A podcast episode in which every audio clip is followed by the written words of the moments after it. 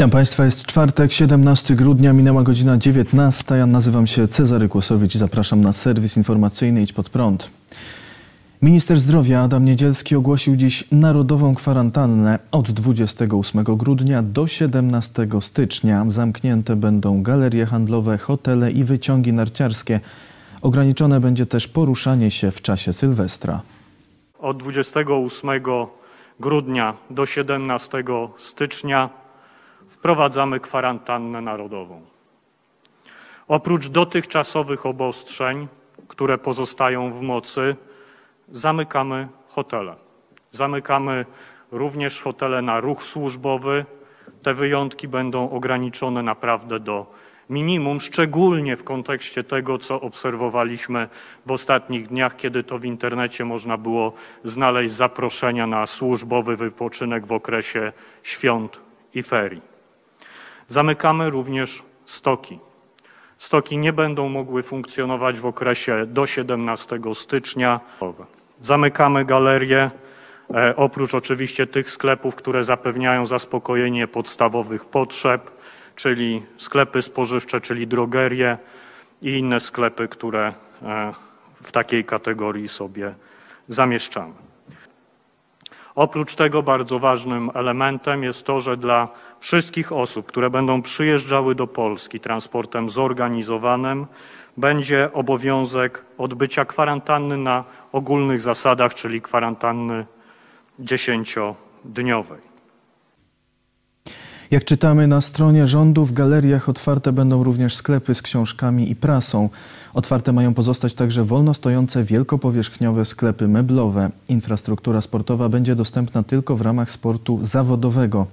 Żłobki i przedszkola mają funkcjonować bez zmian. Ponadto w czasie Sylwestra ma obowiązywać zakaz przemieszczania od godziny 19 31 grudnia do 6 rano 1 stycznia. Wyjątkiem będą niezbędne czynności służbowe. Wprowadzenie dodatkowych ograniczeń komentuje lekarz Tomasz Karauda z Uniwersyteckiego Szpitala Klinicznego w Łodzi.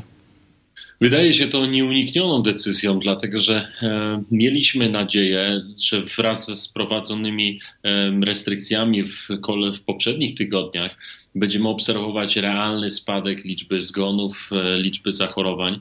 O ile liczba zachorowań spadła i tutaj mamy wątpliwości co do rzetelności zbierania tych danych, natomiast to, co niepokoi, to jest liczba zgonów. E, mimo tego, że już od kilku dni, mm, e, kilku tygodni mamy restrykcje wprowadzone w listopadzie, to liczba zgonów utrzymuje się na poziomie kilkuset dziennie.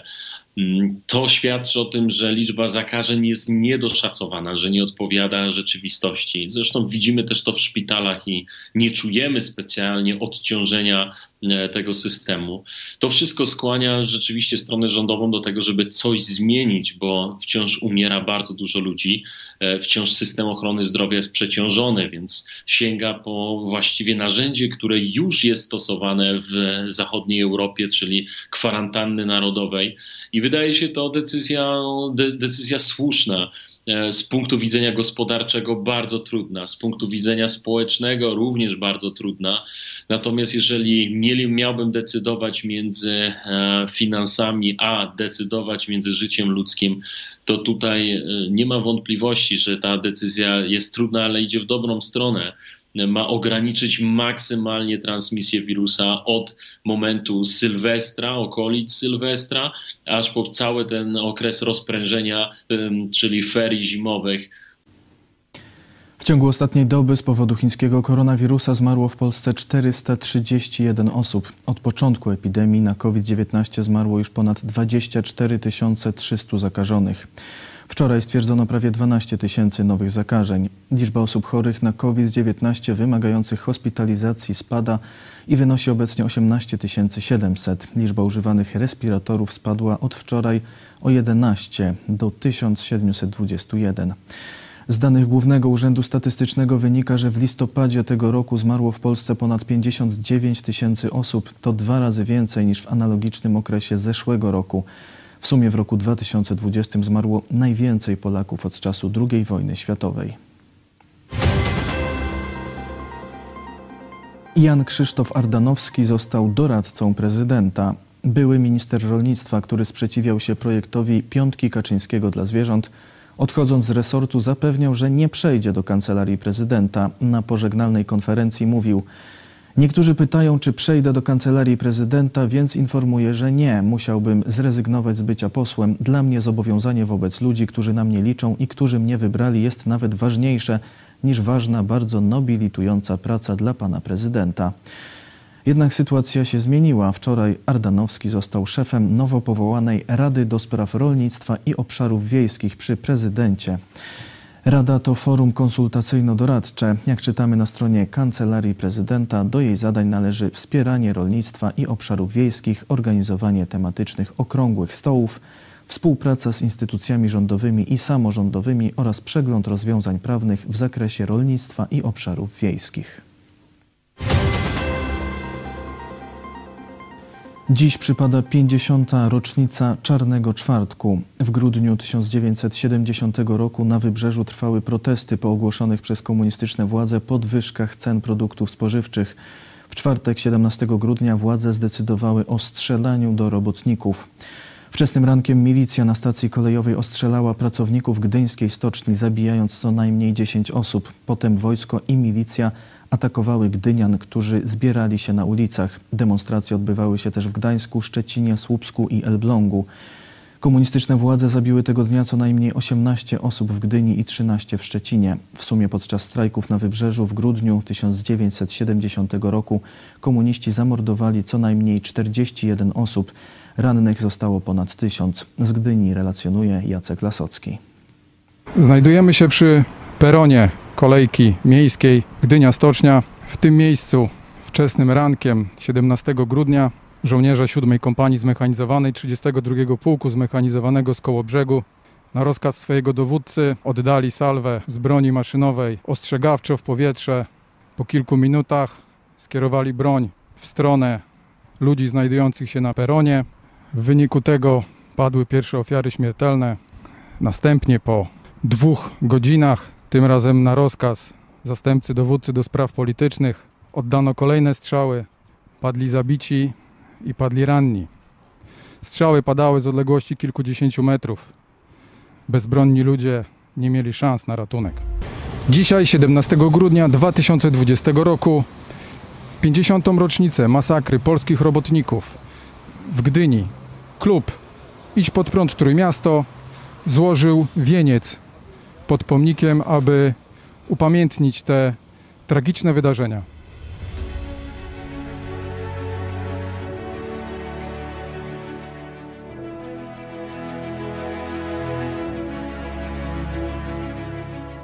Dopiero w 1995 roku został sformułowany akt oskarżenia wobec oprawców z roku 1970. Proces trwał około 18 lat. Przenoszony był z Gdańska do Warszawy, z Warszawy do Gdańska. Sprawiedliwości uniknęli. Generał Wojciech Jaruzelski, towarzysz Kociołek, został skazany tylko jeden, zastępca dowódcy do spraw politycznych 32 Pułku Zmechanizowanego. W roku 2013 został skazany na dwa lata w zawieszeniu, na cztery za udział w pobiciu ze skutkiem śmiertelnym. Symbolem Czarnego Czwartku stał się Zbyszek Godlewski, 18-letni robotnik zastrzelony w tym dniu przez żołnierzy. Protestujący przemaszerowali ulicami Gdyni, niosąc jego ciało na drzwiach. Zdarzenie to upamiętnia wiersz i piosenka Ballada o Janku Wiśniewskim. Jej autor nie znał jeszcze prawdziwego nazwiska chłopaka i nazwał go Janek Wiśniewski. Z z dzisiaj milicja użyła broni. Dzielnieśmy stali, rzucali.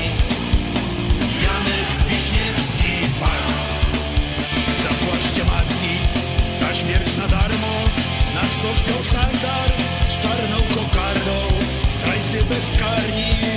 wam się śmieją. Janek Wiśniewski padł. Stoczniowcy Gdyni, stoczniowcy Gdańska, idźcie do domu, skończona walka. Ci, co strzelali, dobrze się mają. Dla nich orderów blask.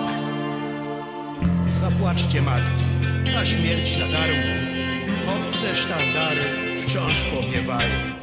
Zdrajcy ojczyzny dobrze się mają. Po nich nie przyjdzie kat.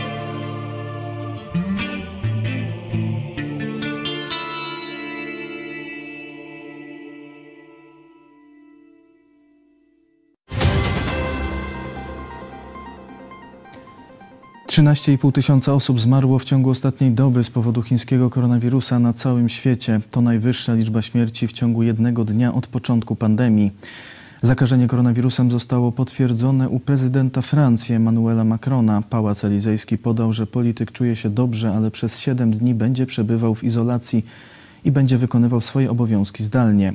Słowacja ogłosiła lockdown. Minister zdrowia Marek Krajci zapowiedział dzisiaj, że z domu będzie można wyjść tylko po najpotrzebniejsze zakupy i do pracy. Zamknięta będzie większość sklepów. Sytuacja jest poważniejsza niż kiedykolwiek. Święta Bożego Narodzenia są bardzo niebezpieczne z punktu widzenia rozprzestrzeniania się wirusa, powiedział słowacki minister. Pogarsza się sytuacja epidemiczna w Szwecji. Premier Szwecji Stefan Löfven przyznał, że szwedzki rząd nie docenił koronawirusa. Sądzę, że większość ekspertów nie przewidywała, że pandemia osiągnie taki poziom. Szykowaliśmy się na nadejście drugiej fali zakażeń, ale nie spodziewaliśmy się, że będzie ona tak duża. Nie zdołaliśmy ochronić seniorów przed zakażeniem, powiedział Leffen. Dodał, że obecnie rząd pracuje nad zwiększeniem nakładów w budżecie przyszłego roku na pomoc najstarszym. Podczas gdy rząd Szwecji przyznaje, że sytuacja epidemiczna jest gorsza niż przypuszczano, urzędnicy szwedzcy robią zakłady o dobową liczbę zgonów. Pracownicy kasy ubezpieczenia społecznego na północy Szwecji codziennie zbierali się, by obejrzeć konferencję prasową, podczas której przedstawiane są najnowsze statystyki zakażeń i zgonów. Osoba, która była najbliżej odgadnięcia liczby zgonów za poprzedni dzień, dostawała pieniądze. Sprawą zajęło się kierownictwo urzędu. Zapowiedziano, że urzędnicy zostaną skierowani na szkolenie na temat etyki pracowniczej. Cała Europa czeka na szczepionkę na koronawirusa. Szefowa Komisji Europejskiej Ursula von der Leyen ogłosiła, że cała Unia Europejska powinna rozpocząć szczepienia w tym samym momencie. Podała datę między 27 a 29 grudnia. Jak powiedziała, zakupiliśmy więcej dawek szczepionki przeciwko COVID-19 niż potrzeba, żeby zapewnić szczepienie wszystkim obywatelom Europy. Będziemy także w stanie zaopatrzyć naszych partnerów. Światowa Organizacja Zdrowia już po raz kolejny zapowiedziała, że wyśle zespół specjalistów do chińskiego miasta Wuhan. To tam zanotowano pierwsze zakażenia koronawirusem. Zespół ma pojechać do Wuhan w styczniu, ponad rok po rozpoczęciu epidemii, a jego zadaniem będzie szukanie śladów jej początku. Światowa Organizacja Zdrowia zapowiadała wysłanie zespołu ekspertów do Wuhan już w sierpniu. Specjaliści do Chin pojechali, jednak Wuhan nie odwiedzili, tłumacząc, że wyjazd miał na celu położenie podstaw pod wizytę ekspertów, do której dojdzie dopiero w przyszłości. Papież apeluje o rozbrojenie, protagonizm kobiet oraz wspólny kurs procesu globalizacji i kwestionuje własność prywatną. Papież Franciszek opublikował dziś orędzie na Światowy Dzień Pokoju, który będzie obchodzony 1 stycznia. Wystąpienie zatytułował Kultura troskliwości jako droga pokoju. Papież zaapelował m.in. o prowadzenie globalizacji według kompasu zasad troskliwości oraz do wzmocnienia roli kobiet. W tekście opublikowanym przez Watykan czytamy: Pragnę zaprosić osoby kierujące organizacjami międzynarodowymi i rządami, światem gospodarczym i naukowym, komunikacją społeczną i instytucjami edukacyjnymi do wzięcia w swoje ręce tego kompasu wyżej wymienionych zasad, aby nadać wspólny kurs procesowi globalizacji, kurs prawdziwie ludzki Poprzez ten kompas zachęcam wszystkich, aby stali się prorokami i świadkami kultury troskliwości, aby wyeliminować wiele nierówności społecznych, a będzie to możliwe jedynie przy znaczącym i powszechnym protagonizmie kobiet w rodzinie i we wszelkich dziedzinach życia społecznego, politycznego i instytucjonalnego. Papież zaapelował też o rozbrojenie i przeznaczenie pieniędzy na walkę z głodem.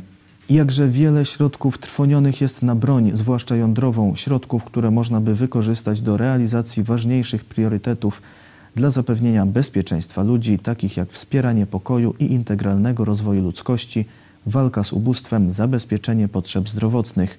To zresztą uwypuklają problemy globalne, takie jak obecna pandemia COVID-19 i zmiany klimatyczne. Jakże odważną decyzją byłoby utworzenie z pieniędzy przeznaczanych na broń i inne wydatki wojskowe globalnego funduszu w celu definitywnego wyeliminowania głodu i przyczynienia się do rozwoju krajów najuboższych, napisał przywódca katolików. Papież Franciszek zakwestionował prawo własności prywatnej. Stwierdził, że w pierwszych wiekach chrześcijanie hojnie dzielili się, aby nikt nie był w potrzebie. Kiedy w późniejszych czasach hojność chrześcijan straciła nieco rozmach, niektórzy ojcowie Kościoła nalegali na fakt, że w zamyśle Boga własność jest dla dobra wspólnego. Święty Ambroży utrzymywał, że natura wszystkie płody wydaje dla wszystkich do wspólnego dobra. Z natury więc wywodzi się prawo wspólnej dla wszystkich własności. Prawo własności prywatnej jest wynikiem ludzkich uroszczeń.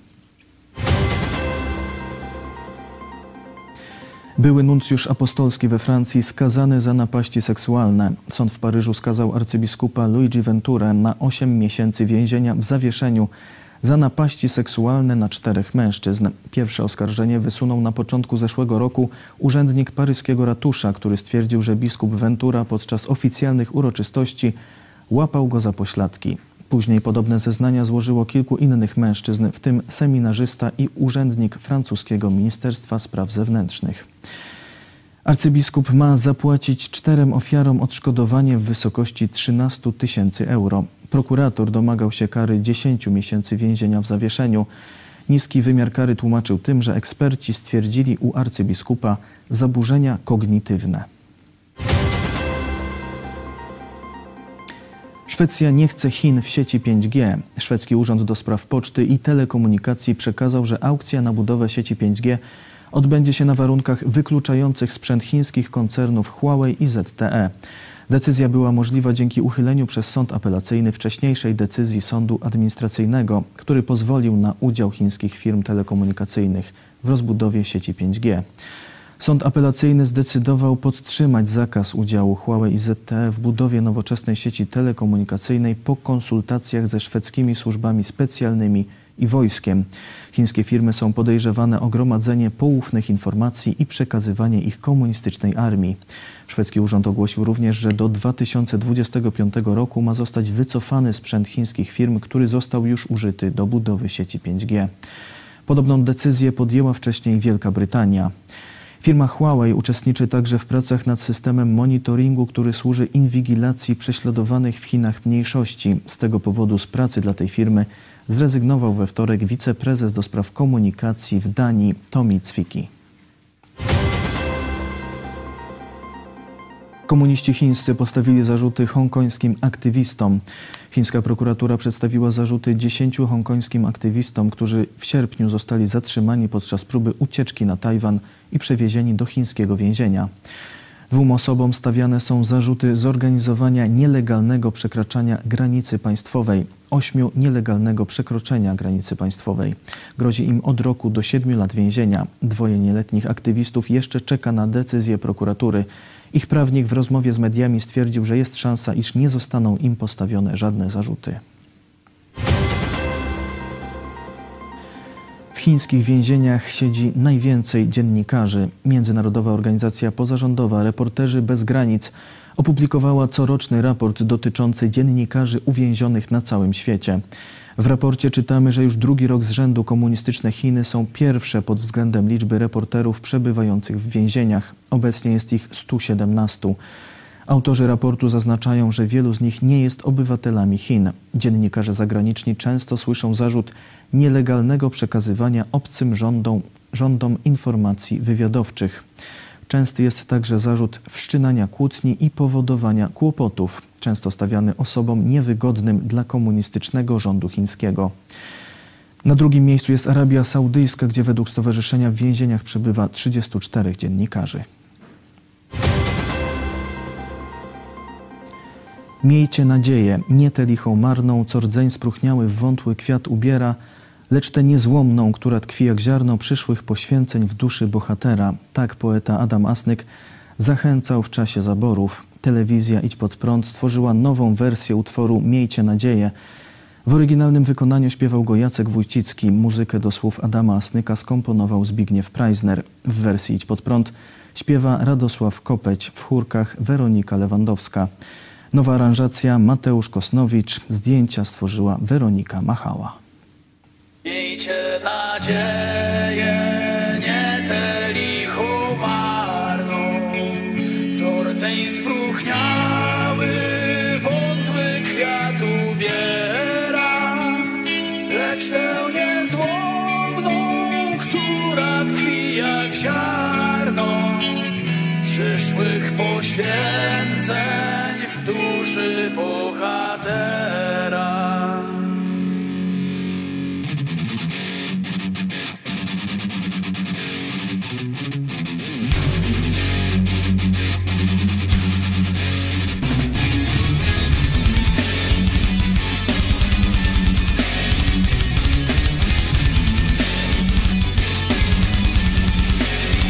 Odwagę, nie tę jednodniową, co w rozpaczliwym przedsięwzięciu. Cały utwór dostępny jest oczywiście na naszym kanale na YouTube, a w tym serwisie to już wszystko. Dziękuję Państwu za uwagę. Kolejny serwis jutro o 19:00. Życzę dobrej nocy. Do zobaczenia.